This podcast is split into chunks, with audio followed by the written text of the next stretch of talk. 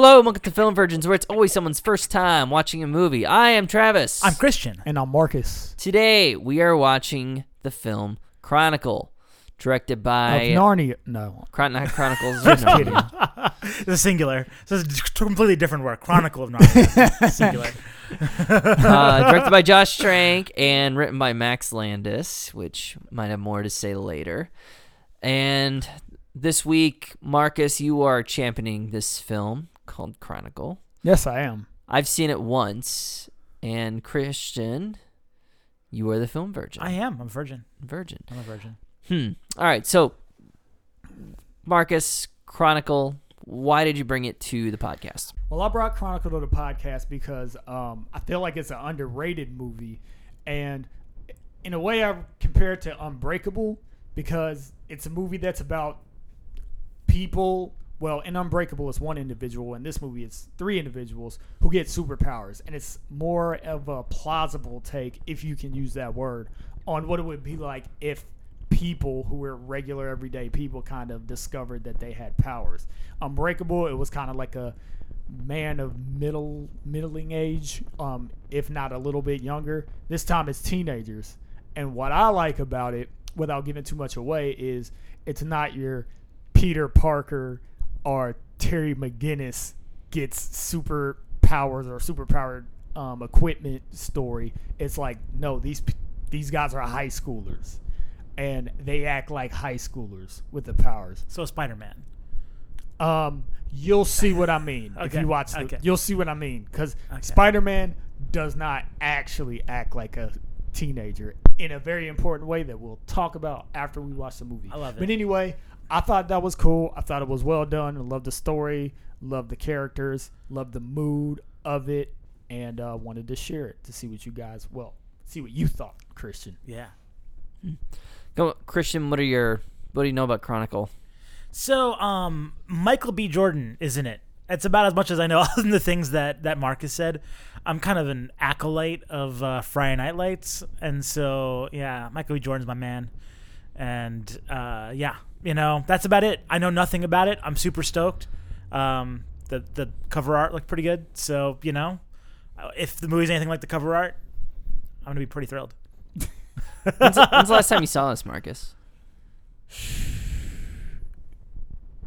I was still living with Christian, so it had to be 13 at the latest. So maybe a mm, year after it came new. out. Because I know I missed it in the theater, and I wanted to see it in the theater really bad, which is probably why I thought it came out in 2013. So that's probably when I saw it. Why didn't you watch it with years ago. me? What? I don't know. Wait, is this a snub? I mean, He's here now. damn it! Doesn't that mean anything to you? two grown men living their own lives. Sometimes they do things separately. That's true. It's true words have never been spoken. Oh my goodness. Well, let's end this roommate quarrel.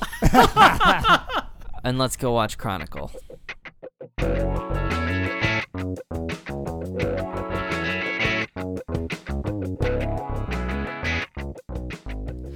And we are back, and we just finished watching 2012's Chronicle. As mentioned, directed by Josh Trank. This movie had a budget of 12 million, and it made like over 125 million dollars. So a no budget film, at least in terms of like a major studio like Fox, and then just really had a big successful uh, opening.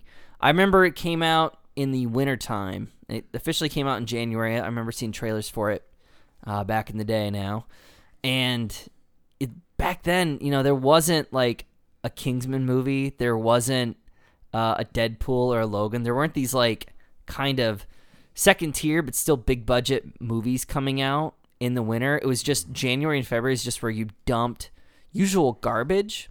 So I think it was just a really good time to drop a a little humbler movie like this. So did well. Had an 85% on Rotten Tomatoes, and um, yeah. Well, now we're gonna talk about how we felt about it. Christian, what is the plot of Chronicle? it is about these three strapping young men Mm. Matt, Andrew, and Steve. Uh, they go to high school. Marcus already said this. And they stumble across this pulsing blue thingamabob and suddenly start developing telekinesis uh, the ability to control objects at a distance with only their minds. Um, and I don't want to say coming of age, but definitely has like almost a slice of coming age where you know they're like in high school and they're kind of experimenting with their powers and you know in, In some bodies. cases yeah in their bodies their sexuality Other people's other people's bodies. Uh, so Yeah. um yeah I, I think that's as much as I want to say without spoiling Yeah, we have Dane DeHaan who has gone on to do things. His filmography is kind of a mess.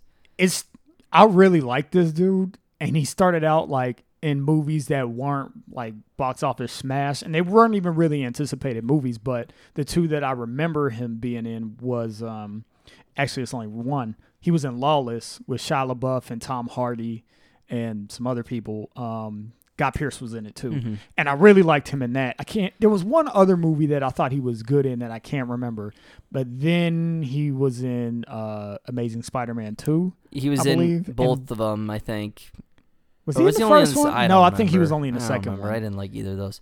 Yeah, But yeah, he was in that, and then he was in um. Valerian. Yeah. Yeah, So, but I, I was looking through his filmography, and I think you're right. Like he does have some. He's actually in Lincoln. Like he's got some decent stuff, but then yeah, he definitely some misses on like some franchise end. I think he's talented though.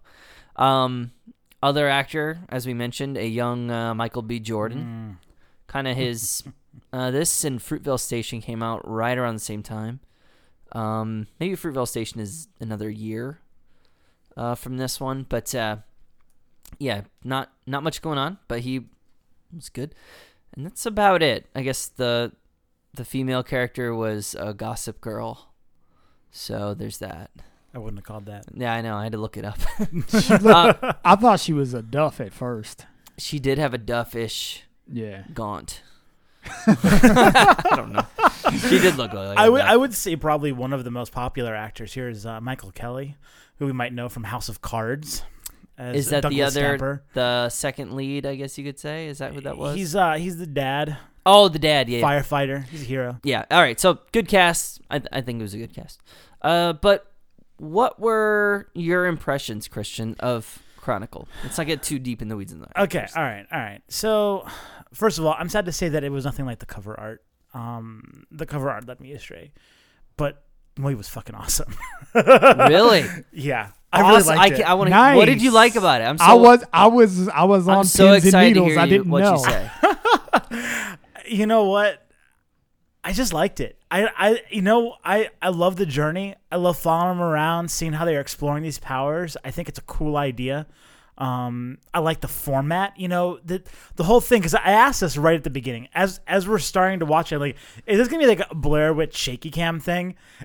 and you know, it turns out that I mean, the format. I, I won't spoil anything that's not you know not in the first five minutes. It, you know, it's all taken place and you know it's a videographer right and actually movie as a whole is shot from a few different videographers but primarily by andrew at least for the first half an hour or This is what we would call found footage. found Yes. footage okay And this was All coming right in Good, thank you, vogue. yeah.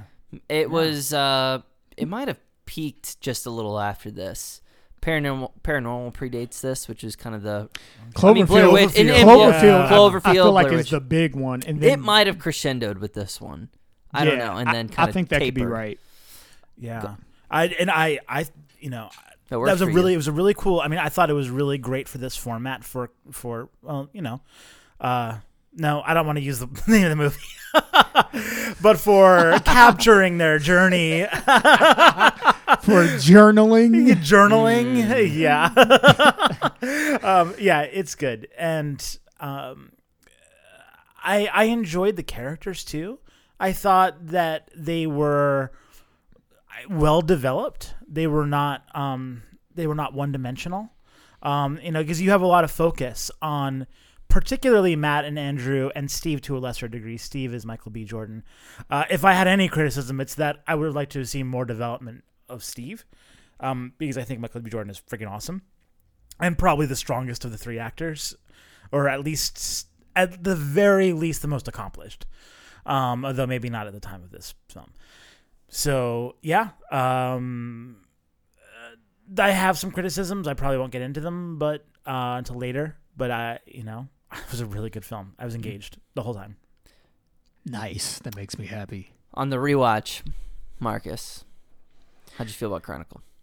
I felt exactly the same way I felt the first time, which makes me like this movie even more. Just because you know, there's few movies that you get that feeling. I always harken back to Revenant, this the time that we watched it for this podcast, and I'm just like, I was not expecting to like it as much as I liked it the first time. Um, Chronicle, I was feeling the same way, especially with watching it with Christian, whom I genuinely had no idea how he was going to respond to this, which is part of the reason I wanted to Neither did I. offer it forth because I love it. I love this movie a lot. Um, and it's just cool to be reminded of all the reasons I loved it. And I'll get into that further um, because I just want to start talking, so I don't want to get into spoiler territory too soon. Not yet. Yeah, I I like this movie as well. Um, I might not have liked it as much as you two, judging by your your candor, but I I felt about the same. Um, and I'll get more into that. I think what this movie does really well is, in terms of the three main characters' relationship, I think it does nail adolescence pretty well, and I think it nails, um, kind of like teenage depression pretty well, and That is angst. that angst is well depicted i think um i also really enjoyed that ah, man i i think this movie had good special effects for 12 million- million dollars. I really thought the final battle really still holds up. I mean we're going on um about six years from this movie Yep. and it was cheap then. It was very well executed. Um kind of in like maybe in like a the same way that District 9 uses its limitations to look amazing, this movie too kind of used its format, the found footage format to maybe find ways of making some of those bigger special effects work, you know. You can make a, a, a better CGI building explosion if it's shot from like a grainy police camera, right? And but still make it work within the story. So I think there's a lot of clever stuff that I really appreciate in this movie. I think the characters really work. I think the actors are top notch. Um, and I have some issues, but I'm gonna save them for turnoffs. But mostly positive. Should we go spoilers from now on? Let's do it. Spoilers. Who wants to jump in? I'll, I'll, I'll jump in. I hated Andrew from the very beginning. I'm glad he's dead. Fuck him. wow. Hated Yeah. him. I hated him. Why'd you hate him? really? Travis, he's not popular. and as if that weren't reason enough, he's also an idiot. I mean, I don't like him. I just don't like him. I, I didn't like him from the very beginning. He had kind of this mopey, like, first 30 minutes of, like, Mark Hamill and Star Wars kind of vibe. But that never went away. And then he added to that by also being a douchebag and being an idiot. It was all the things. It- Instead of rising to the occasion, he Yeah. descends into madness. Yeah, his powers increased, but everything else decreased, and he was already at a remarkably low level at the beginning. Just and all like human characteristics that we value in the species, like compassion, intelligence, amicability. I don't know. I hated all of it. What That's- a douchebag character. That's funny. I like. So Andrew. one of the reasons why that- I like the movie so much. that's what I was gonna say. That's why you like the movie because Yeah. it's not. It's the origin, not of how this douchebag becomes a great person. It's how this douchebag becomes more of a douchebag. So that worked. It's how a douchebag becomes impaled, and I, I think it's a good story. Deservedly so. Mm. I uh yeah. I like that this movie is the origin of a villain, and that's really the tale it's telling. And I like the little magic the origin and finale of, of the villain. Demise. I think Yeah, it really yeah, works. I think it's way more interesting than and this movie like granted even in 2012 we we weren't nearly at the superhero saturation that we are now. But even then like the hero stuff it was a good time to tell a different type of story. Yeah, I mean, we were already post first Avengers. So. Yeah. I mean, it was a good time to do that, and the the format really like. I think he, I maybe I don't like him, but I do find him sympathetic. Did you find him sympathetic? No. Here's the thing. Like, yeah, he had two absentee parents. Um, and One who's dying of uh, lung cancer, it looked like, or still something, absent. and then uh, an abusive father, On Yes. disability. uh, al- alcoholic, dis- disabled, Yeah. Seem fond Father. of television. not really disabled. I don't know. He's on workman's comp. That's what I'm trying to say. Yeah. You know what? well, there's one point in the movie where he does say, like, I'm on disability. I can't afford that. When he's t- oh, talking over the phone about getting prescription medicine for his wife. Now, could he be um, augmenting- Medicaid, man. Could Come he on. been could he be augmenting the truth? Of course, because he did that a lot because he's kind of a psychopath, a narcissist a bit too. But um but as far as I can understand, is like yeah, he was getting those checks and it looked like he had no intention of going back to work. Actually, do we do we even know how long ago he had his accident? No, it doesn't seem like it's an important detail. yeah. okay. We don't have a timeline on it. Yeah. But, you know. It sounds like maybe he's always a prick. I, yeah, he seemed like a douchebag, but he also there's like a little bit uh, sympathetic to him, right? Because you see at the end, you see like he's not lying, like his his wife needs that medicine, and he genuinely cares about his wife, and the medicine genuinely is expensive. The copay on it is seven hundred dollars, so he actually it turns out was being honest about all that stuff. He's definitely a drunkard. He's definitely abusive. That's all very bad, but you know, but they're they're we see some parts of him that are sympathetic. But the the you know That's so funny. I have the exact opposite feelings of you. This is just how we read people completely different. Because like I have no sympathy for the father. I, I have don't either. tons of sympathy for Andrew. Much more. Yeah uh, Uh, I don't have tons of. I have adequate sympathy to make him compelling, or I have like enough sympathy to understand where he's coming from. Kind of like how, you know, we always say, and everybody says this, but it's. I think it's a really good point. Is that the, the best villains are the people who think that they're the hero in their story, yeah and I think that epitomizes Andrew pretty well. I think it put my Right. both both of them though both of them. I, I mean I think and I, I guess you can you can do as like a gradation. You can say oh well like this person is like you know 75% you know flawed and 25% hero or whatever. And you can actually you know if you want but it's part and part. And I think the dad is actually trying to provide he's you know maybe he's lazy. Maybe he's actually hurt. It's not clear. You know you see well, I believe that he's actually Yeah. hurt.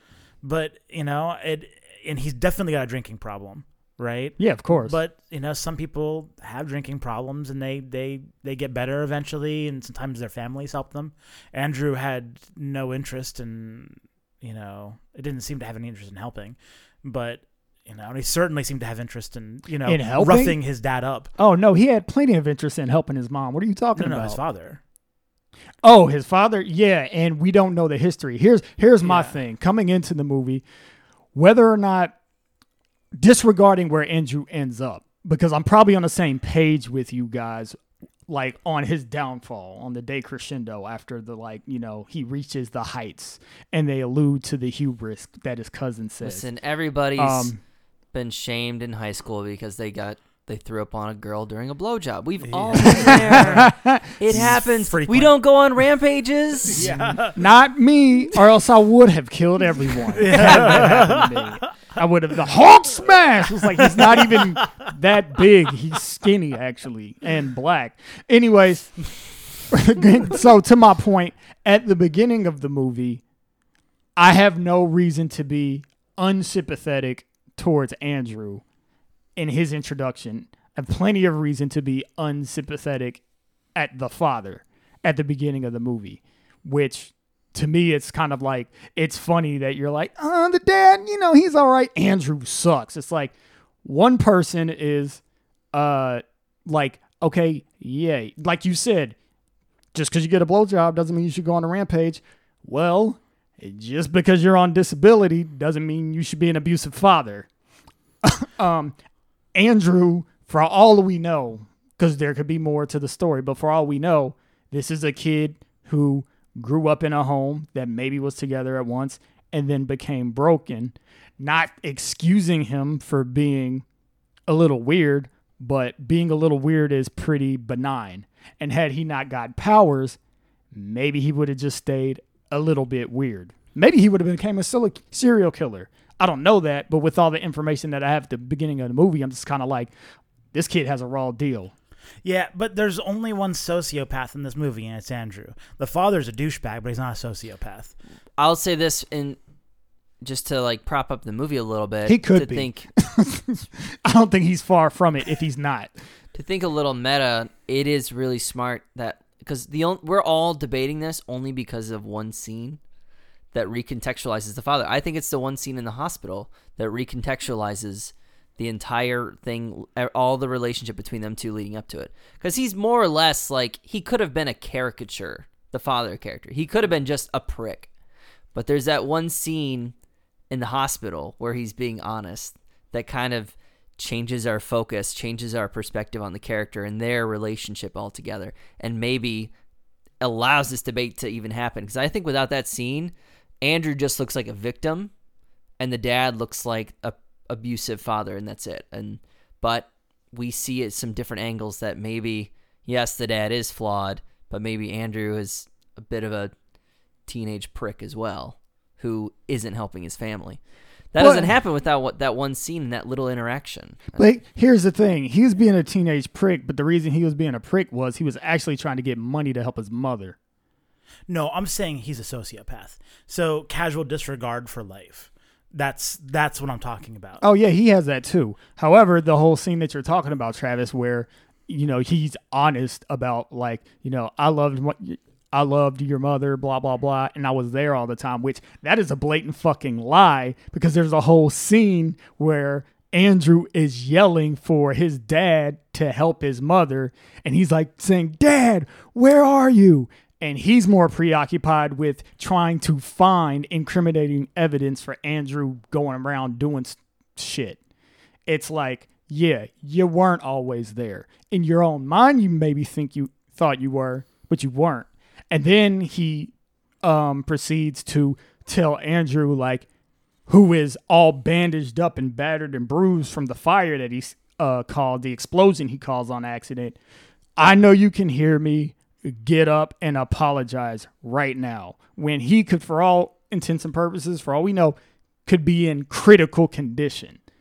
So to me, that's saying like, okay, maybe you do genuinely care about your mother, but the way that you're acting right now, you're being unhinged, dude.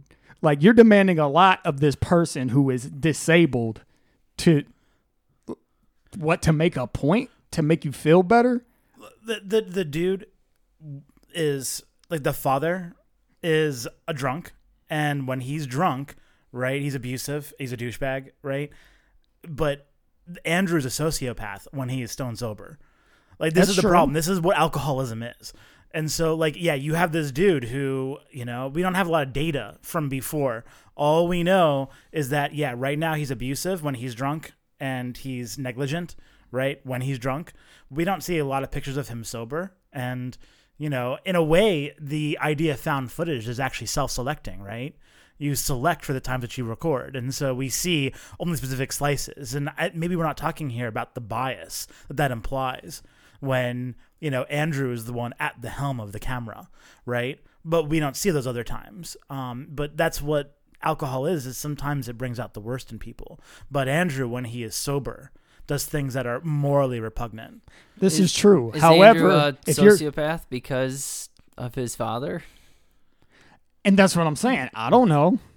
I don't know. Why do people It- become sociopaths? The open and that's that was my whole point in the opening of the movie is basically like we're in a situation where obviously this kid has come up in a broken home. How long it's been broken, we don't know, but it's probably probably been a while. And as far as like the whole alcohol thing, if you're a douchebag when you're drinking alcohol, you probably should go to AA to stop being a douchebag. Uh, it's easy to say man that's No, that's no, that's, what- that's I'm not saying yeah, I'm not saying yeah. it's easy to fix, but what I'm saying is it do, is not an excuse. It's like when if somebody like punches you in the nose and then you're like, dude, I need an apology. What, man? I was drunk. It's like, okay, I get that. Guess what? You still decided to pick up the booze.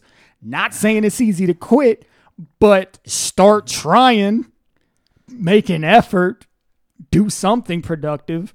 And he seemed, granted, we do have the bias of the cameraman, but for all we know, it didn't seem like he was making a huge effort. Andrew didn't seem so far off, um, off base in his sociopath, sociopathy, however you say that word Sociopathic. that he would have just that if he, that his father was trying to actually make an effort to be good that he wouldn't have recognized that. Like he's capable of having feelings of fondness towards people. I don't think that he was necessarily trying to paint a, a illegitimate picture of what his father's like. And when given the chance to basically smear his father to steve he just he he left out the whole like he beats me thing he was just like he was a firefighter he was. Then he got hurt. Um, now he doesn't do much. Don't really know what he does. He drinks a lot, and that was it. That was all he said. So it's not like he's out to just think about this dude poorly. You know, he's not out for his throat. I don't know. It, there's a lot of we have an unreliable narrator, as you stated, with the Yeah, selective it's found footage, and that's the only reason this conversation can take place, and that only happens because of the found footage format. The more you know. Yeah, and there's only a handful of found footage films that work. Um, I think Blair Witch Project works, and I can't think of any others. But this, I like this one too, so I'll say Come on, man. You didn't like Doom? Doom was found footage with The Rock. Yeah. I didn't see that fucking movie. I didn't see it either. Uh, I, I got burned by Super Mario, and since then I've been really wary of video game based movies. What? Doom, Doom, Doom. Also, okay, got it, got it. Sorry, it took me a minute. I was only thinking about found footage. I was like, Super Mario Brothers isn't a found footage film. That would be amazing. Can we please You're make walking around with giant VHS tape because it's the '80s. All right. yeah. Camcorders. Um, how did we feel about the? I don't want to do that because that'll. I don't want to give away my turnoffs. Um, no spoilers in that. This is a leading question, but I stopped myself. So let's talk about other. Let's talk about other dynamics. Andrew, cousin, and Steven. The the three main characters who get their superpowers. They're kind of like acquaintances, it seems. Uh, but once they go into the hole, they get their telekinetic powers. They start experimenting and having a good time with each other uh, before things descend into madness. How do we feel about their interactions and their interplay? this is the main reason I like the movie because anytime I'm thinking about a movie that it's about people that are like enhanced and powers, I'm like, I want. I'm typically looking forward to the last scene where there's the fight where they're throwing cars and shit and helicopters are crashing in downtown Seattle. Like I'm usually looking forward to that. The thing that I enjoy so much about this movie is like an honest look at what it might be like if teenagers get their hands on some sort of power. And this is what I was talking about, Christian. Spider Man doesn't act like a fucking teenager. He's like, whoa, I have powers. And then he's like, I should probably help people. And then that's it. These The- guys make jackass type videos. Exactly, Yeah. which is also why the found footage format works because you actually feel like you're watching a video on YouTube where he's going like, "All right, come on, man, here they come, here they come," and a group of girls walk by in skirts, and then he's like, "All right, I'm gonna do it," and then he points, and then there's a fucking uh, leaf blower, and he moves it and turns it on, and he blows up their dresses, and then they all bust out like in muffled laughter because they don't want to give themselves up, but they're dying on the inside. Like the movie, the vast majority of the movie is that and I can't help but smile because there was two things that I noticed in this movie. When you're following Andrew, he has that um kind of altercation with his dad, a small one in comparison to the rest of the movie. And then it follows him on his way to school. His cousin picks him up, having a good time, and then they get to school, the school parking lot, and you see the varsity letter jackets. You see girls dressed up like cheerleaders, people getting out of their cars, kids hanging out, and he's like, "Oh God." And I was like, yes, motherfucker. That's exactly what I felt like. I fucking hated high school. Hated it. Hated it. But then the movie also made me realize like, while I hated high school, I loved the years of high school because when I was out of school and I was with my friends hanging out, that was like some of the most fun I've ever had. Those moments felt felt real to me. They felt so real. Even though they're they're playing with telekinetic powers, like my friends and I. I mean, I got into like video stuff and video editing because like we made our own fake jackass videos or attempted jackass videos, and I would edit them with two VHS players and shoot them on DV, and uh, we'd shoot skateboarding videos, things like that. So like I really connected with that during this in this movie. And I never did any of that stuff. But just the fact that like I me and friends would be hanging out and we would just be making each other laugh about the dumbest shit. Like it brought me back to that because instead of, you know, going immediately to like, oh, we can fly, they're they're throwing a baseball at each other. And like the first few times they just like beam each other in the face and then they're like, ah, and then the other one's like, all right, I'm gonna get you, I'm gonna get you. Revenge.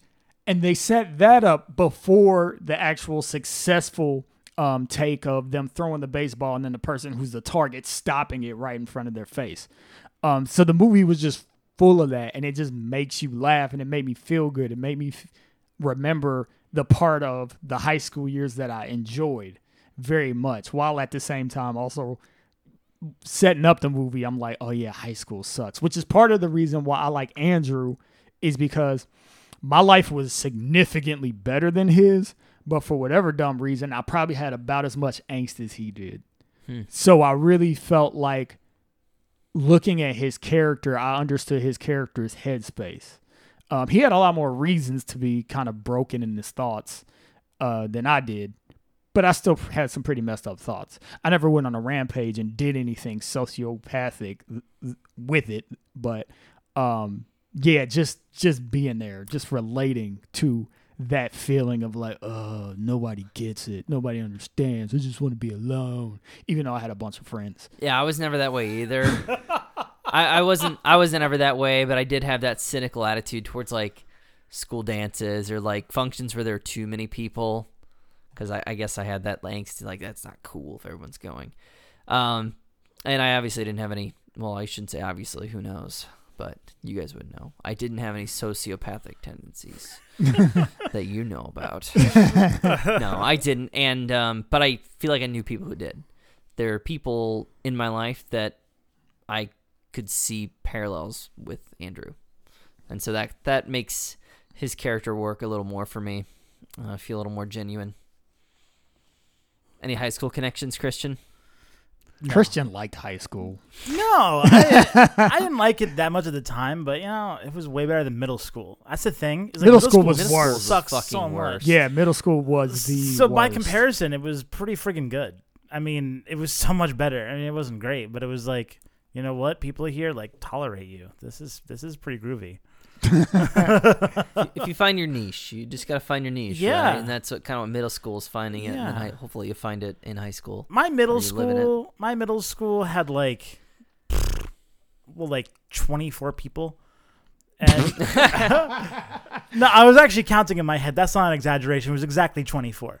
And I, I, there were 300. I went to a different system. I was 350 people. My high school, no, my class. It's like Say per grade. yeah, yeah. It was like it's like 1500. And so it was middle school was 24 per grade or 24 period. total.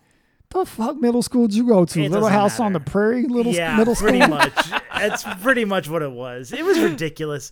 It was like it was clicky, but the problem was there was only room One for click. one, Yeah. and I wasn't in it. so, uh, you know, whereas high school, like you said, you know, uh, it, it's also kind of clicky, but you know, you find your clique, you find your niche, and uh, you know, there's going to be someone that's going to be out there in a, a class of 350 people that's going to, you know, share your interest. In my case, it was I was an academic nerd, so I hung out with the academic nerd dudes, and uh, you know, it was cool. And even the people that in the other cliques, yeah, didn't really bother me. Were you a mathlete? No. no, I, you know the the group that I was in ha- had disdain for those, just like you're talking, Travis, for those public activity. Yeah, but it. So the movie didn't really resonate for me in that regard. I, I was mostly left alone. I was also not a sociopath, according to my friends. so I, you know, again, not like Andrew. I'm like a far less attractive version of Matt, really. He's a handsome guy. yeah, he is. You said he's in House of Cards. No, Michael Kelly. Michael Oh. Kelly, the dad. Oh, sorry, sorry. sorry. Is The that dad. this? Uh, has he shown up in anything? Not Michael Kelly, the other guy you mentioned, the one who's Um, not a movie famous. star. yeah, Matt, The Matt. yeah. uh, Matt. Matt Garrity.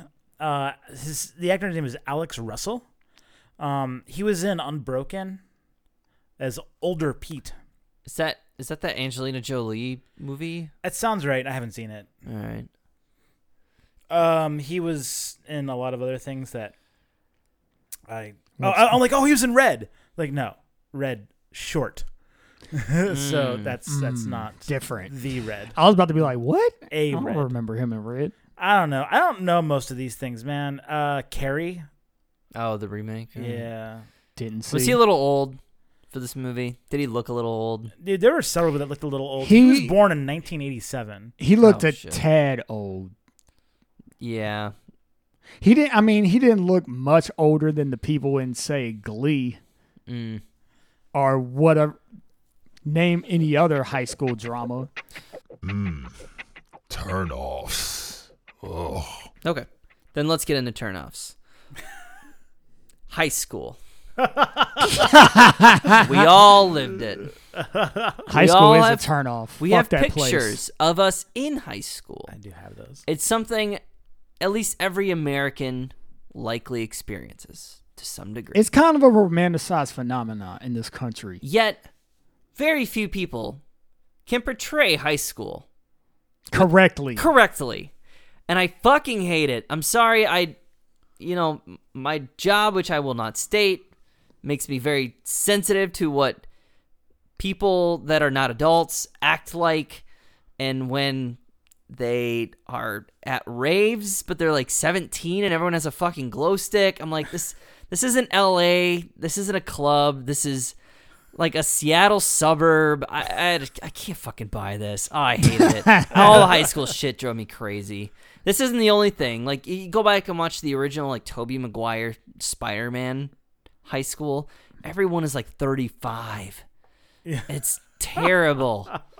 Nobody acts like a high schooler. Like, ugh. What about what about lunchtime? I thought lunchtime felt pretty real. in Spider Man? No, not Spider Man. in Chronicle, dude. The movie we're talking about. The movie that this podcast is about right now. Listen, I that's like the third Spider-Man reference we made. I thought we were talking about Spider-Man. yeah, Sam Raimi's a great director. Yeah. No, uh, in this movie, I don't even remember. Ah, yeah, I- I'm trying to. I'm What's- struggling to come up with the lunch scene. he would always eat lunch by himself outside There are mo- while alright, the alright, alright. cheerleaders and the soccer team are out practicing. And then later, which was a was used as a sort of uh uh Foreshadowing. not foreshadowing, but it was used as a way to kind of show his evolution when Steve and Matt Yeah, yeah, yeah. began to join him for lunch. And lunch actually now was like a fun thing. He wasn't an outsider, he Yeah. had his own clique. So I'd say there are moments that worked that felt genuine. There's that, and I thought the interplay between those three characters felt high school, even though Matt looks like he's 32. um, I think that worked, but every other like high school moment, whether it be the the bullying, even the I don't know, why are the cheerleaders practicing and the soccer team practicing during lunchtime? I don't understand that. That's at all. weird. Yeah, that is super weird. That's I, I weird. didn't even I'll- really, I'll that, that's you why I wasn't even identifying it as lunch. I figured he was just like staying after. I, Well, he he specifically said to the camera, This is lunchtime. This this is where I eat lunch. yeah, but maybe he didn't eat it at lunchtime, so he ate his lunch after school. the whole it's ridiculous. That's a turn off in and of itself. Why aren't you eating lunch? I no wonder you're a sociopath. You got low Early. blood sugar. I mean, I guess you could make that conclusion, but I think that the simple conclusion is just that it was lunchtime.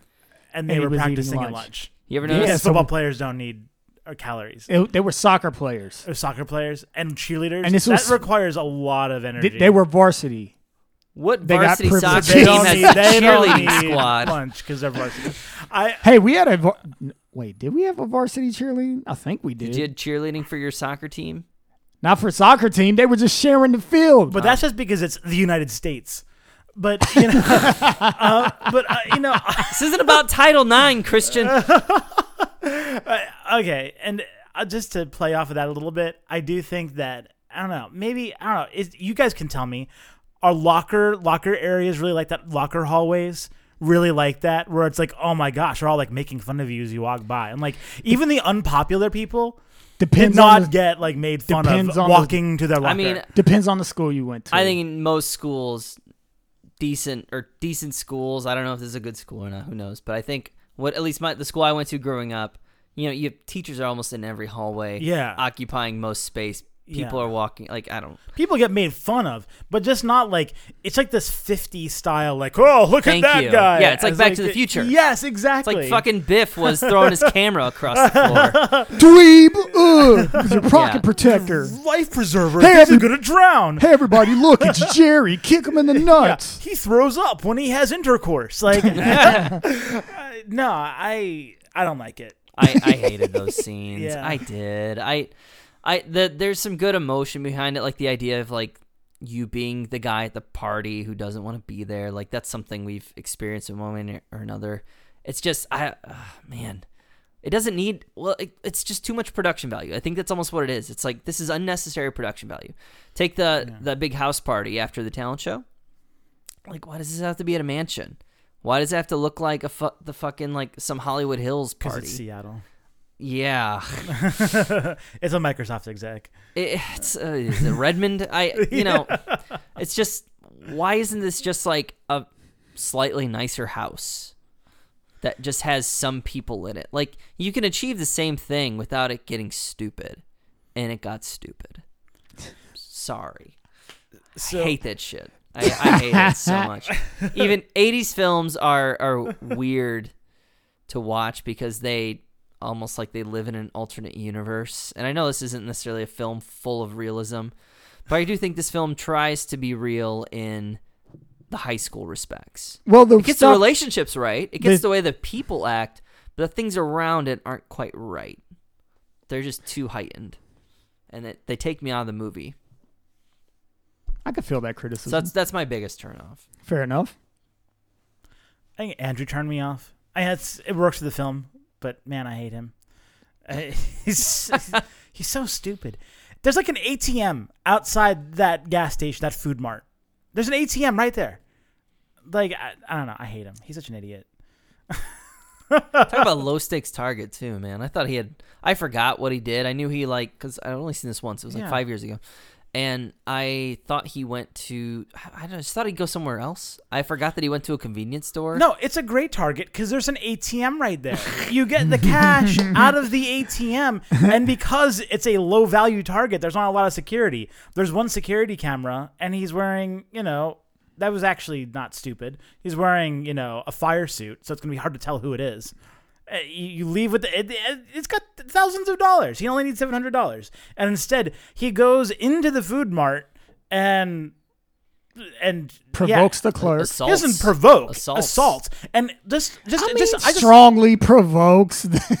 okay okay okay let's get this in context because you're so down on Mr. Dad here right that assault that he performed on the food mart clerk is Was completely provoking. unprovoked and was far more physically disastrous than any assault that his dad performed on him oh yeah, I'm just saying that. he's a bad person Here's the reason I say provoked. I'm not. I'm not trying to down. You're reading as it as if I'm downplaying what he did. The reason I say provoked is because that's an important is an important word because the guy gets up with his shotgun, and the shotgun once Andrew whips it out of his hand, misfires, and then hits a propane tank, which causes the explosion at the gas station. I'm not saying provokes as in like he was like, "Hey, buddy, give me the cash." Well, I don't know why I just did that voice, but going with that like fifties. uh, but, but all I'm saying yeah, is like, yeah, it's his fault that the accident happened because then the dude got up and was like, "Well, I'm gonna Yeah. shoot this freak." Yeah,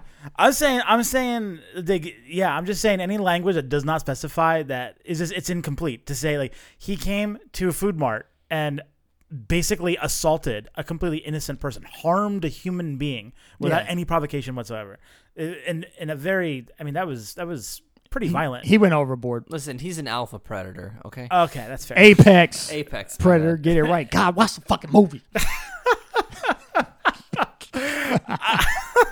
Sorry. I, I agree. I agree with Travis's criticisms. I think that those are. I, I can see those a little bit. Um, uh, not necessarily a turnoff per se, but you know, some of the things that I look for in a movie, um, like quotability and uh, the soundtrack, not really there so much in this. That's okay. It's not supposed to be, but you know, it's it's worth saying. It'll factor into my rating.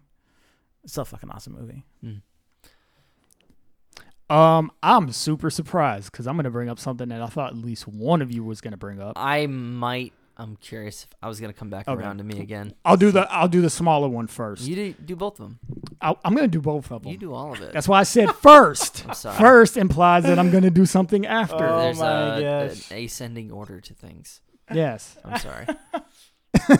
Go on. So the first one is Go on. Um, Yeah. I do agree with you. A lot of the special effects do hold up, and choosing um choosing the uh, found footage format kind of helps with that. But there were a couple of instances where I'm not gonna rip on the movie, but I'm just gonna say the movie just kind of shows its age. And one of the instances was when he builds the uh, Lego tower with his telekinesis. It just looked a little stuttery, but that was only one of the few times that it jumped out at me and made me think like, oh wow okay yeah this movie was made in 2012 okay um so tiny just a tiny turn off um Was it less realistic than the Lego movie in that mo- in moment? yes because the lego movie is real stop motion animation with some some stuff added in to polish it off uh Mm. so yeah less real actually than the lego movie which was a great movie go watch it um Except for that stupid song. you make me want to sing it just to get on your nerves Don't. but i won't No. I won't. So the other one is actually kind of two combined into one. The girl, you don't need her. Get her out of there. The whole like Matt likes the girl, and they have this this whole um cryptic plot where apparently he used to be cool in grade school, middle school. Well, high school still grade school, but you know before high school, and then he got to high school and started acting like he was a hot shot and too smart and cool and philosophical for her or whatever. But they kind of like teased it, and I just didn't care because I'm just like go back to exploring your powers and having that change your relationships with each other and how you see yourselves. I, you don't need her. I don't care about her. And in the end, like how it doesn't even really pay off. She just drives him to go f- fight Andrew. What? I, I the only thing I'll say if I, if I'm thinking of this from like an emotional writing standpoint, I think her purpose in this film is to contrast the isolation that Andrew is experiencing. Hmm. Both the characters, both Steven and him, are seeking out relationships with other people, and that's tightly contrasted with Andrew's increasing isolation. So it kind of show. I think it's representative of his headspace, but I, you know, I think because he wasn't about the power, that he's the one who set the rules. I think it's more, yeah, it's it's a bit of that, and also setting up his, um, his counterpoint to Andrew.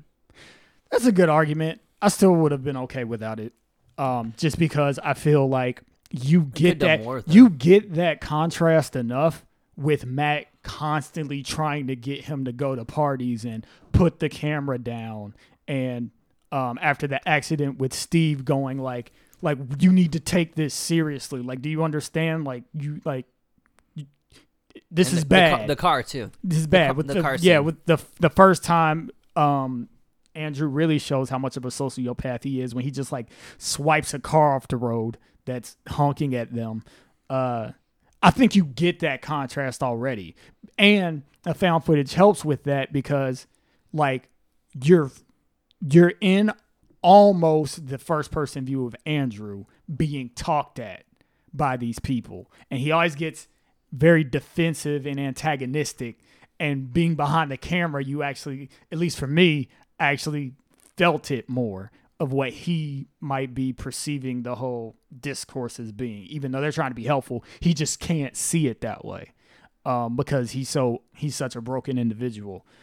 Um, so so yeah, I just don't. I think I think you get it that he sees himself as an outsider and people, even the people that love him and care about him, even see him as an outsider.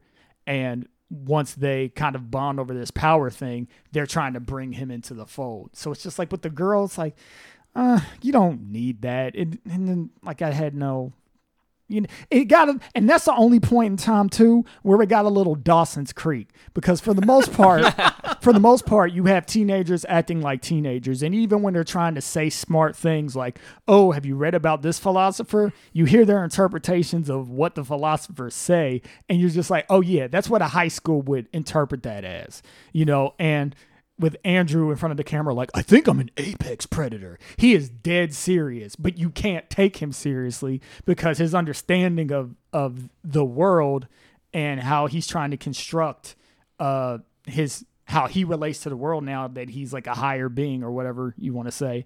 Um, you still understand that it's such a sophomoric view of the whole thing. But with her, you know, with the whole back and forth, like, oh, now you're quoting things at parties, really? And she like has quirky comebacks and just very like measured, um, succinct replies to everything he's saying. It's just like, fuck this, man. This isn't how people act on in real high school. Giving me some Dawson's Creek speech using vocab words and stuff.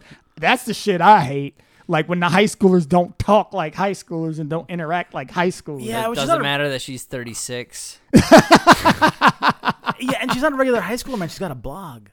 A blog, yeah. I mean, Yeah, that's- no, that's she has how a I- vlog, which A vlog. actually She called it a blog. did she? I thought she Yeah. said vlog. Did she? We need to. Well, V and B are kind of similar. Yeah, we so- have to come. We have to get to the Boom, bottom of this. boom. This is Yeah, yeah, yeah. critical shit. I'll say this: that Yeah, uh, it, that that idea actually ages better because vlogs are Yes. YouTube culture. Like yeah. that is She was ahead of her time. that was ahead of it. Yeah, I would say so. I, She was that way ahead actually her works time. better now than it did then. yeah, is kinda funny. Which for the which for that contemporary audience made her even more of a pretentious whatever. Yeah, I was gonna say something bad, but um, but I stopped myself, and that's what matters because I'm not a sociopath. Uh, turn offs. That's another turnoff. So all right, so that that kind of piggybacks um into my last turnoff, which is it's a mild one. Um, par- another reason I like the movie so much is because the found footage format really made you feel like it was his journey, Andrew's journey. Um, so you kind of felt like on the inside of his thoughts and feelings rather than just watching his thoughts and feelings. That being said, I really wish there weren't any other cameras in the movie. You lose a lot with it. Like you can't really do the uh, final battle in downtown Seattle as well from just one camera, but from a story point, from a storytelling point of view, like I would have liked that consolidation of it just being his quote unquote chronicle, you know. And maybe if you need to include pe- people, um, other people that Andrew isn't interacting with at the time, you can do what they did a couple times where he just gives the camera to Matt. Or maybe give the camera to Steve one time. I, camera Steve actually had the camera at one point, like just one. But maybe like they have the camera a little bit more, rather than using the needless love interest and her camera as another angle of the things that are going on. Because it, it just it felt jarring to me. let's just have an open discussion about the limits of the found footage format because at the end of the final battle, where for some reason he breaks open the windows of the Space Needle in Seattle, and then pull, pulls out all of the cameras that, That was are bad. I forgot about that. so that the cameras can float around them, so that the director can choose which angle he wants without breaking the format that he's unfortunately slaved himself to. Holy shit! Does this like format which I like? th- The idea that we talked about earlier, the unreliable narrative, or you know, all that, the narrative stuff, it's great. But oh my god, does it reach a critical mass where it just gets fucking dumb Yeah. right at the end? But I also like I like the cutting to like the helicopter view, and I like that, That stuff felt good. That stuff works. Oh god, that seems bad. yeah. You know, I disagree with you. I liked it. Oh, I liked it. Uh, I liked really? it. You know what? Because I think I actually think that Andrew, along with his other faults, is a narcissist. And you see that because, like, is. you see that, like, and I, I think it's right after uh, Steve dies and they're at the funeral, and he takes the camera and he moves it up, and it's like that opportunity now with telekinesis, right? Because you know there's a lot of like, increasingly more scenes that star Andrew instead of Andrew's filming, right? As as time goes on, and he likes and he his likes narcissism increases with his powers. but you yeah. see it even in the very beginning with the mirror, right? He likes being, uh, he you know he's the only person because he's stupid and not fun to be around, so no one's willing to film him. But you know he he I think he wants to be in in the videos, and I see I I think like that that scene to me is the picture of his narcissism. Yes, it gives it's a Deus ex machina to give the producer, the director, more shots, but I think it's also a picture of his narcissism. Okay. Let me meet you halfway. He does that, and he's such a narcissist that they use that as a um a device for him to broadcast himself intentionally to the world. Maybe that saves it because they didn't. They they tried to do that thing and be subtle about it at the same time. Maybe you take all the cameras and you address the fuck out of it. And you go like everyone look at me.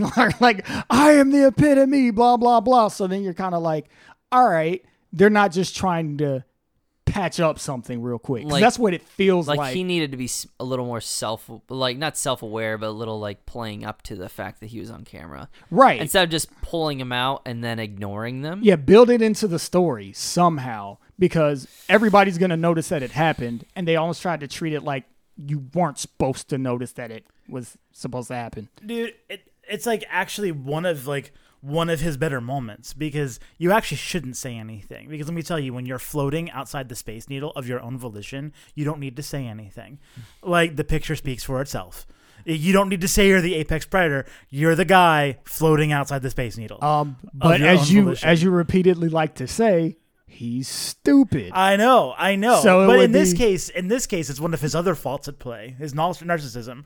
It's like he's not, but like he might be stupid, but also Hollywood actors in some cases can be stupid, and they know how to play to the camera.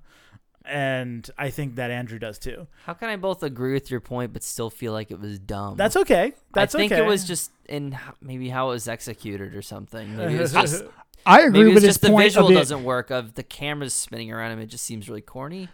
I don't know. I I'm I'm yeah. Well, the thing, the thing about it is, is that what's so cool about the camera and it being just one camera the whole time in my like, in my cut of the movie, is that it truly is the fourth wall. You never become aware of it. You become you're you continue to just be an unaware audience looking into a world, but more so you become him. You become his psyche, his conscience almost. With like showcasing all of the other cameras, then it Wait, what conscience? Or whatever. His his, his inner You don't have a conscience. Con- we enter you become his, his, psyche. consciousness. You become his experience, his brain, whatever the fuck. And also, Um, and also, strictly speaking, if it's only one camera, then the movie ends after you see the blue thingy bob. Two cameras. Oh yeah, yeah. Because they, they Yeah, mentioned 'cause that he got a lost, new he lost his camera. camera in the first after that first scene. Yeah, Right. The alien thing. And see, to me, that was cool because like that's something that How did he get the footage? Ooh. Oh, I you know, don't he's every day he's downloading it. Yeah, but they show the the last footage from him seeing the blue thing, Oh, and then yeah. they like somehow got out well, of it there. was found. That guy that was like, "Hey, this ground is shifting." You He thought it was he found destroyed, it. but it wasn't. yeah, he found it. That guy. There was an unknown ridge. compiler of all of the tapes after this. He's from the ATF. One of the Tibetans found it and was like, "We need to send this back to America." So they no, can make it's not it. the Tibetans. It's, it's Doug from ATF. Is that what he was credited as? Yeah. the guy in the hill. At any rate, it made the camera. Um, I feel like too much of the focus, where it wasn't necessarily the camera that was the focus as much as his point of view I, I, that was the focus. I think it just that it works best when it's him and we are entering his psyche. The found footage element, it breaks down when it's other people holding the camera, or, or it's like the Matt and the girl holding the camera. Uh, you Because know, then the I- mov- then the movie is like, hey, remember it's found well, footage. nobody nobody compiled this because nobody would include those scenes. I don't think. That too. I didn't even think right? about that. Right, Like you would. Somebody scrounges around. Um, excuse me. Do you have security footage from such and such Right. garage on June You would 26th? everything. Do you, do you have any witty banter about Proust? Yeah, like none of that would be in there. So we there's a lot of suspension of disbelief that has to happen with this found footage format, which is fine. It's, It's a fine. movie, That's fine. but man, don't. There's a certain point where it just it's a, it's not a crutch. It's it's a chain. It's a chain holding back the movie, and that pauses my brain to say, why the fuck are we filming this? Or why is this being filmed? It makes you think it about it too with much. every found footage film except for the Blair Witch Project. yeah, Blair Witch is perfect. It's pr- pr- the best found footage film, and but this one has those moments where it's like, all right, what? Why the fuck are we filming this? Or they're like they're having to do some writing gymnastics to make this scene work as being quote unquote. you can see the footage. skeleton. You can see the skeleton the of the art at work, and it's just kind of like, eh. you- it's, it's It's- more fun when it's seamless. The idea that he's like controlling a camera with his mind is fucking brilliant, though. I love because then you can do all your fancy camera moves and it ha- makes sense i thought that was great um but yeah there's other scenes where it just like kind of breaks down anything else on turnoffs nah. Was it good for you? well we have reached the end of talking about chronicle where we say was it good for you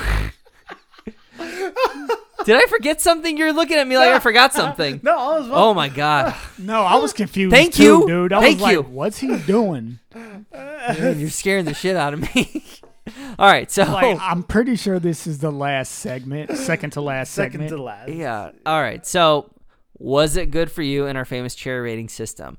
Let's start with the film Virgin Christian. All right. The film was fucking awesome. Nothing that I've heard has deterred me. I still say soundtrack did nothing for me. No memorable quotes. You know, the film is what it is. It's kind of the tragedy of film virgins that it puts me in a position where I have to give a film that I've described as fucking awesome a six. But comparing it to things that that's got to be what it is because you know I don't like it as much as Blade Runner twenty forty nine, and you know I like it more than Maverick. so so How dare you? so a six it is, you know, it's which is you know, if I made a seven, it'd be, I I give it more than Book of Eli, so you have to be happy about that. I, Nope, know. I'm just mad that you didn't give Book of Eli a higher rating. Well, I can't do anything about that now. So so a six it is. Um, I you know, I think that I I don't. I'll say I wouldn't recommend this to people that really like what are you know traditionally called. Uh, Marcus, you're spot on. You know, it's not a superhero movie. When you say that, it evokes a certain image to people that it, this is going to be a total letdown for them. You know, this is not that right. I actually think I recommend this more to people who like coming of age films um to people who like that you know that humor and that like you know growing up together and learning together um i think that this actually has way more in common with that genre with something like stand by me than it does with spider-man. Um i also agree uh unbreakable is a fantastic comparison. You know if you like unbreakable i think you're more likely to like this. Still not a great still not one to one but it's closer. Um and um I know it's gonna sound weird, but you know, I guess it's related to Unbreakable. I would say if you like Split, I would also go. There's a little bit of a psychological element to this one too, um, and I think uh, you know, Im- implied, not really as explicit, but you can definitely No. take a lot from that. Yeah. Whereas Split, you know, it, like you said, is explicit. It's like psychological. You're diving into people's psyche. Here, it's just you know you're you're you're dancing on the edge of, of psyche, um, but of a psychological thriller. But I think it's close enough. I'd recommend it. People who like Split or Unbreakable, and people who like coming age of films that might have a little bit of paranormal in them, maybe X Files people. I'll go next. I like this movie. Um, I don't love this movie. Uh, I the the found footage. I really like our discussion on it, and the unreliable narrator angle is something I don't think I'd properly thought about nor given proper credit to the film for. That being said, for as effective as it is as a storytelling device and as like a way to make the budget really work, which I love. I love cheap films that are good. I think it's super commendable to make something compelling with very little money in a world where they throw endless amounts of money at trash. It's refreshing to see something that's well done, made on the cheap. Um, but man, that it just it hits some a critical mass where it just doesn't work for me anymore, and where I think some traditional film storytelling elements would have worked better. Uh, I also am extremely sensitive because I'm critical, but I'm critical of a lot of things that I'm able to forgive. But I'm super sensitive to that that cliche high school stuff. It takes me out of movies. Uh, the first I really have enjoyed watching The Leftovers, but the first episode of The Leftovers, which turns into a really great show, is like this high school party that's like everyone's acting a little too fucking old. It's like this would work as a college party, not as like 15 year olds hanging out. This isn't what 15 year olds do. It, it drove me crazy. It turned me off. And this movie has a lot of that. And it sucks because there's a lot of good things about it too. So, um, but man, it does a lot of things right. It nails the interplay between three teenagers really well. And I like that there's no capes. I like that it's the origin story of a villain instead of a hero. Um, but as with like Christian said, our rating system is it's brutal. I looked at what I gave a six, and I gave Kingsman a six, and I gotta say I like Kingsman a lot better. And I, I thought about, I have felt the same way about this as I did Book of Eli. I think where I like it, but I don't love it. Um, so I'm gonna give it a five. Blasphemy. Both of you dogging on Book of Eli. I know, uh, but this is Terrible people. to me. These were they were on par for me. Um, The same with me. I mean, we both agree on that. I just gave Book of Eli a six. That yeah, there you go. Uh, I would recommend this to man. Who would I recommend this to? You're right. It's not for the superhero crowd. The Stand by Me poll is really smart. That's a great poll. Somebody who's like down for the a tale of lost of innocence. Uh, if you really enjoy Stranger Things, maybe you should watch this. It doesn't take place in the 80s, but it does take place in 2012, which is increasingly further away. So it'll be nostalgic at some point. Hey, remember vlogging? Hopefully that's retro at some point. Back before there were holodecks. Oh no, dude! You need to read uh, Ready Player One. Everybody's going to be required to have a vlog in the future. It's going to actually be how you interview for jobs. You won't interview; they just look at your vlog. Marcus, These blasphemers. I agree with you that uh, it's about the same level as Eli. Eli's way better than both of you are saying. bless you. bless you, sir. As I was saying, Eli is a way better movie than both of you are saying. You have no idea what you're talking about. Sorry. Um, at any rate, love this movie. Um, loved it just as much as the first time, which in a weird way makes me love it more because it kind of corroborates its goodness to me. Um, and that it's one that I'll probably continue to hold dear and watch in the future. Love it. Love the acting. Um, love the angst. Love the fact that the vast majority of the movie is just about teenagers being teenagers and doing teenage stuff with their powers and bonding over it. Um, so it's just it's just this weird sort of mysterious story that has a lot of heart to it and heart in both ways because you kind of see how the power um, changes the three individuals. Um, one doesn't really change that much at all, Steve, which makes the most sense because he seems of the three to have the most solid identity. Like he knows what he wants, he knows who he is, and everyone loves him. Yeah. There's not a lot of searching there. uh, Matt, he's he kind of has this idea of who he wants to be, but he's not really navigating it perfectly. But you know, he's doing fine. You know, his his future is looking fine. Um, and then of course you have our sociopath, which I am a little sympathetic with, but I mean he is a sociopath. Uh, who's yeah, just completely off the rail. So it's cool to see how they those three individuals deal with that. So I just think that's amazing. And none of it is blatant. Just like you were saying, Christian, about the fact that it's a little bit reminiscent of Split because it does kind of make you think about like how the psyche affects who you are and how you express that. But it's so awesome that you can take that from this movie when it never even really says that. Like that's not even the point. Um, so for all those reasons, love it, and I am going to give it. I wish I could give it a seven and a half, honestly, but I can't. So I'm gonna round it down to seven because um, I don't think I like it quite as much as my eights. Um, but I do like it a whole lot. As far as recommendation goes, recommendations go, grammar. Um, I think I agree with you guys a lot. Um, if you like coming of age stuff, definitely on board. Uh, you you should be on board for this movie. Um, definitely does have that X Files feel. Uh, I'm gonna say if you like Cloverfield, watch this because this is actually way better than Cloverfield.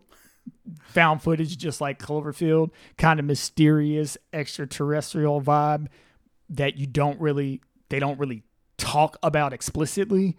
Um, but this is just a way better movie in Cloverfield. So people who like that, like you should watch this. Um, there was another movie I was thinking about too that reminded me of this. And I can't think of it. Fantastic Four.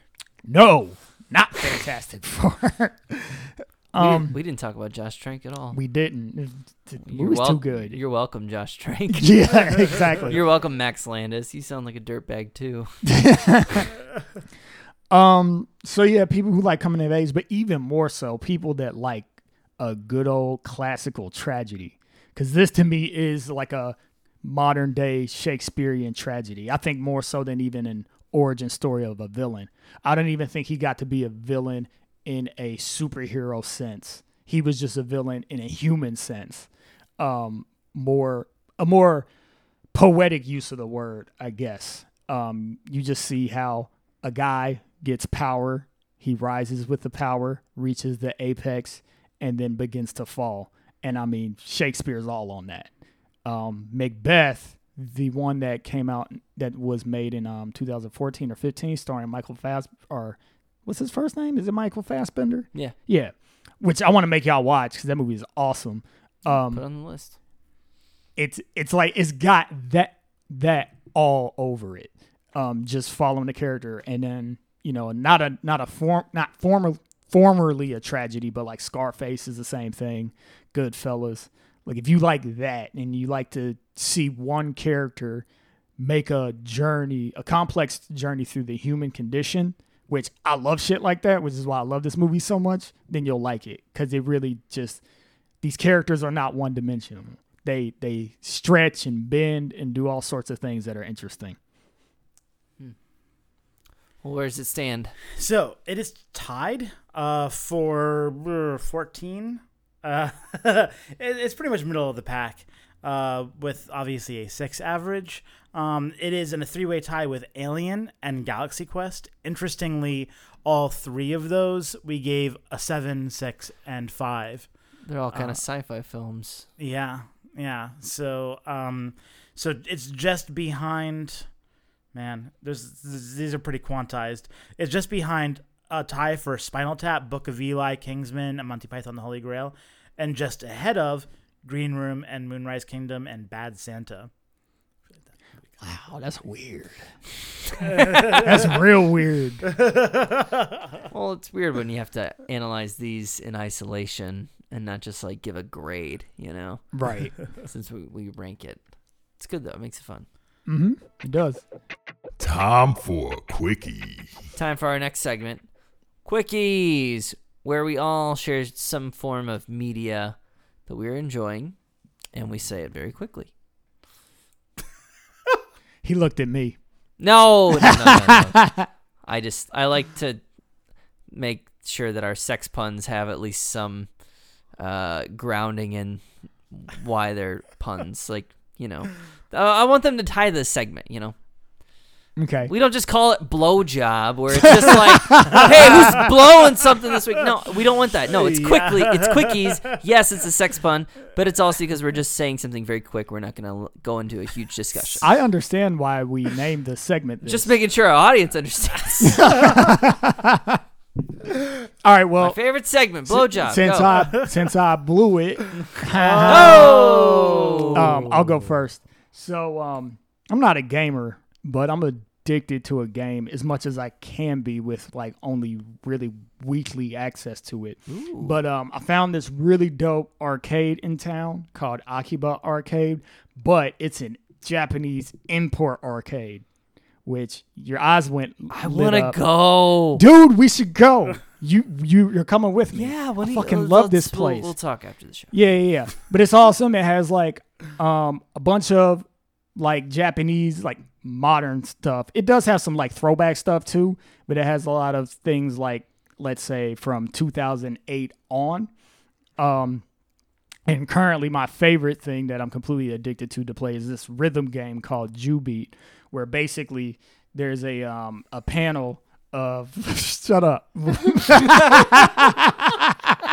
I'm I'm used to the name now, so I don't register it in my Listen, head. What it's that We're not gonna comment on it, but everyone. I, I, Yeah, I mean, you know, it's a bit- that's a that's a name. yeah, I, That's a name. I forget about the Not every- not anti-Semitic everything- um, Not everything translates. undertones, Not everything translates. but it's J U B.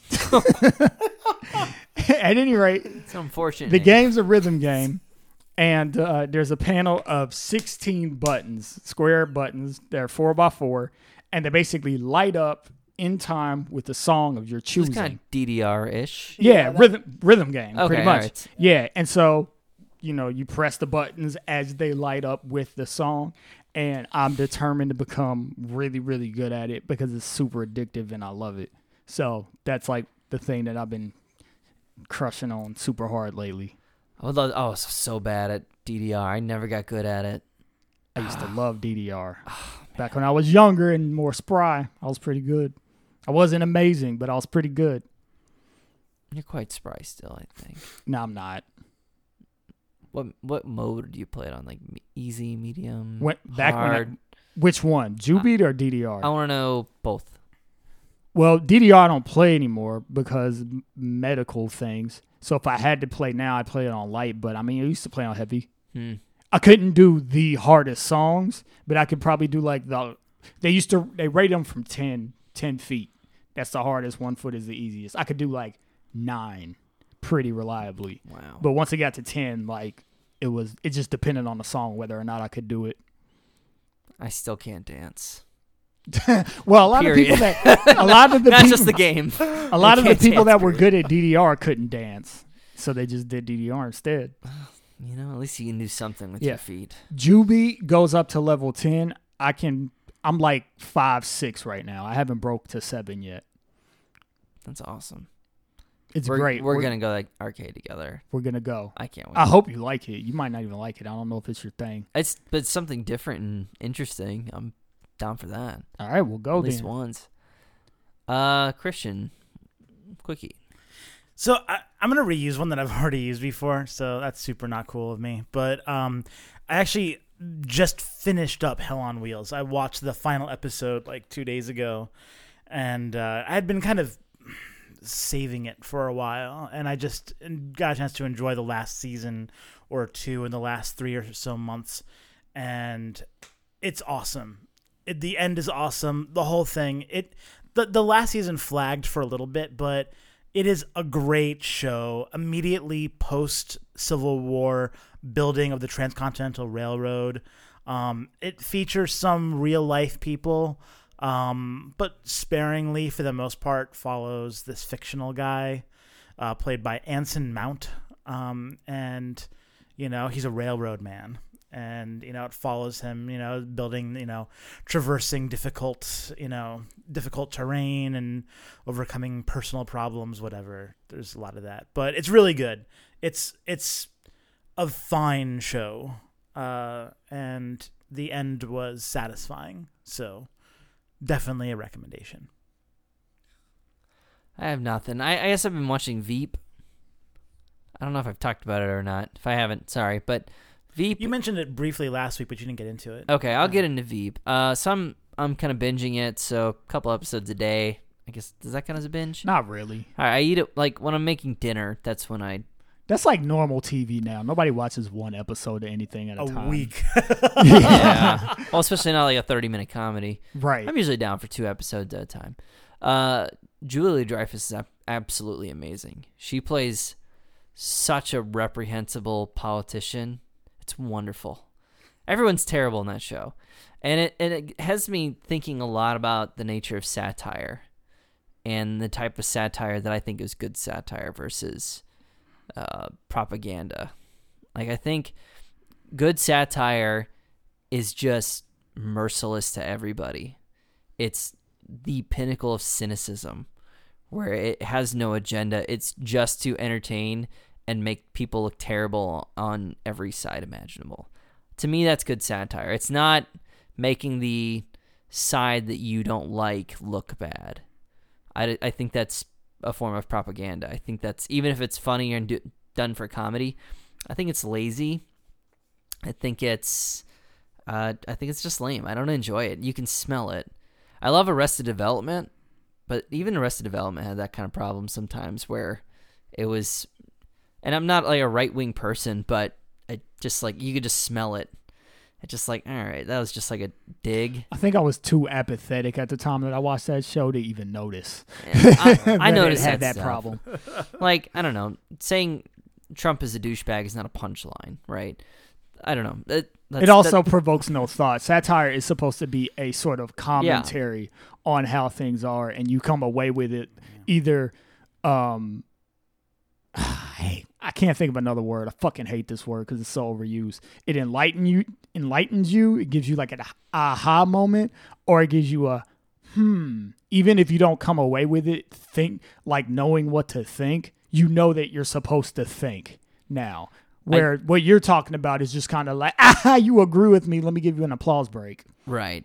Veep is not anything you stop and think other than the fact of, oh my God, this feels like maybe there's more truth here than we know about Washington politics and how it works and how cynical everyone is and how uh, nobody cares about anything principally. It seems more and more true as I get older. Uh, I think it's absolutely wonderful. It's funny. All the performances are great. Uh, I can't name many of the other comedic actors in it, but everyone is on point. And I think the writing is tight. Like You have to at least say the guy that plays Buster in Arrested Development. Uh. Tony Hale. Yeah. He's good, but he's not like my favorite character or anything. I think Hugh Laurie's pretty good. Hugh Laurie's good. He shows up later. The guy who plays uh, the character Mike, he was in uh, Upright. Uh, no, not no. Was he up in Upright Citizens Brigade back in the day? He he was in. He's been in some small sketch stuff. Um, he had been an up and comer for a while, and if you look back, he's in tons of stuff. I love him. Uh, the guy who's in I don't know Pineapple Express. He played Bill Lumbergh in Office Space. Gary Cole. Gary Cole, he's great. He's great. Um, th- there's just so many funny, quippy lines. Like, it's it's just really tight writing. I love it. Watch it. It's good, but it gets better. I think so. Veep. It's on Amazon. You can just stream most of it now. So that's mine. Well, I think that brings us to the end of our podcast. Thank you so much for listening. Please uh, subscribe. Always looking for them subscribers. Check out our website, filmvirgins.com. It's where we post new episodes. Uh, and you also can check our cherry ratings, which I think we need to update. Where are they supposed to subscribe to?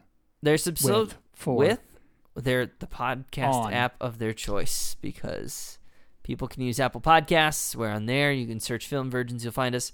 You can also find us on any other podcasting app. We should show up. I think. I don't think Also, send us an email if Yeah. you can't subscribe. filmvirgins at angelfire.net.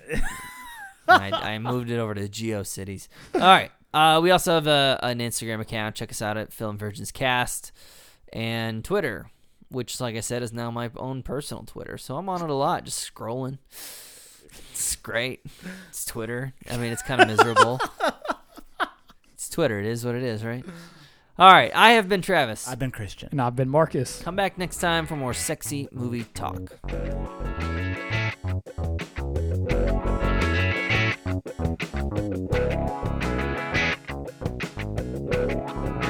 Thanks for listening. Subscribe and look for our next episode next week.